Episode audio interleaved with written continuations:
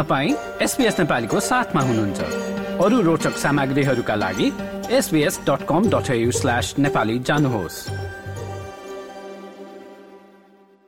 Gorkha Nepalese community तथा शब्दाङ्कुर books and पब्लिकेशनको संयुक्त आयोजनामा शनिबार छ जनवरीमा भएको एक कार्यक्रममा विभिन्न साहित्यिक प्रस्तुताहरूले आफ्नो सिर्जना सुनाएका थिए। गजलकर्मी ज्ञानुवाकर पौडेल नेपालका पूर्व सांसद तथा सृजनाकर्मी विजय सुब्बा क्यानबेरा स्थित नेपाली दूतावासका अधिकारी तथा साहित्य प्रेमी भोगेन्द्र लिङदेन यस्तै गायिका सुषमा गुरुङले आफ्नो प्रस्तुति दिएका थिए।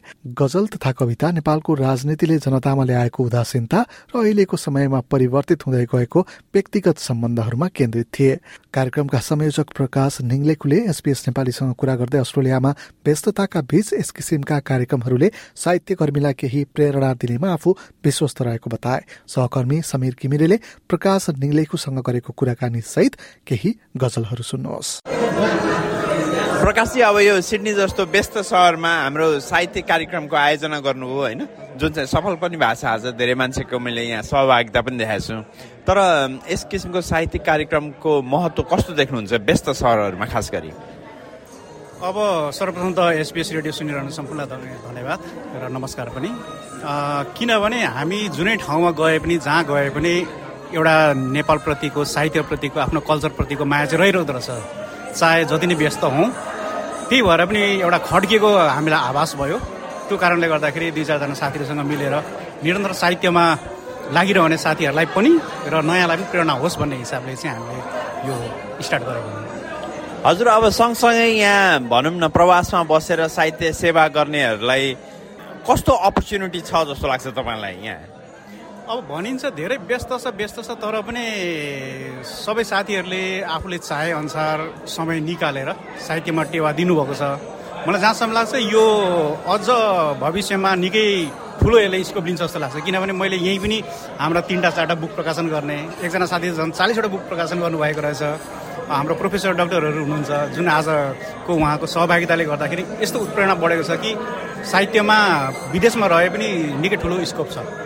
हामी हजुर अब अन्त्यमा आजको कार्यक्रममा अब भनौँ न नेपालबाट आउनुभएका गजलकारहरू पनि हुनुहुन्थ्यो होइन? ज्ञानु वाकर पौडेल साथसाथै विजय सुब्बा पनि हुनुहुन्थ्यो र यहाँका लोकल कविहरू पनि हुनुहुन्थ्यो।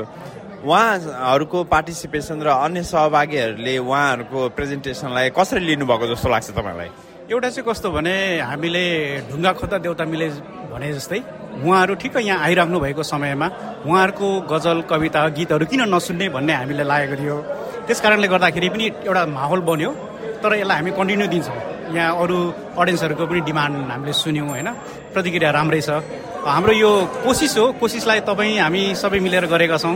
मिडियाकर्मी साथीहरू त्यसरी नै यहाँ साहित्यप्रेमी साथीहरू उहाँहरू सबैलाई धन्यवाद र भविष्यमा यसको स्कोप राम्रै होला भन्ने हामी कसरी चिप्लियो जवानी नसोध बर पिपलको कहानी नसोध कसरी चिप्लियो जवानी नसोध कहिले झरेछन् ती पातहरू कहिले झरेछन् ती पातहरू किन रोज़े यो बिरानी नसोध किन रोज़े यो बिरानी नसोध पिपलको कहानी नसोध रोइ रोइकन तिनको यादमा रोइ रोइकन तिनको यादमा कति भिजाए सिरानी नसोध कति भिजाए सिरानी नसोध वर पिपलको कहानी नसोध टिप्नै नपाए विरतीको फुल।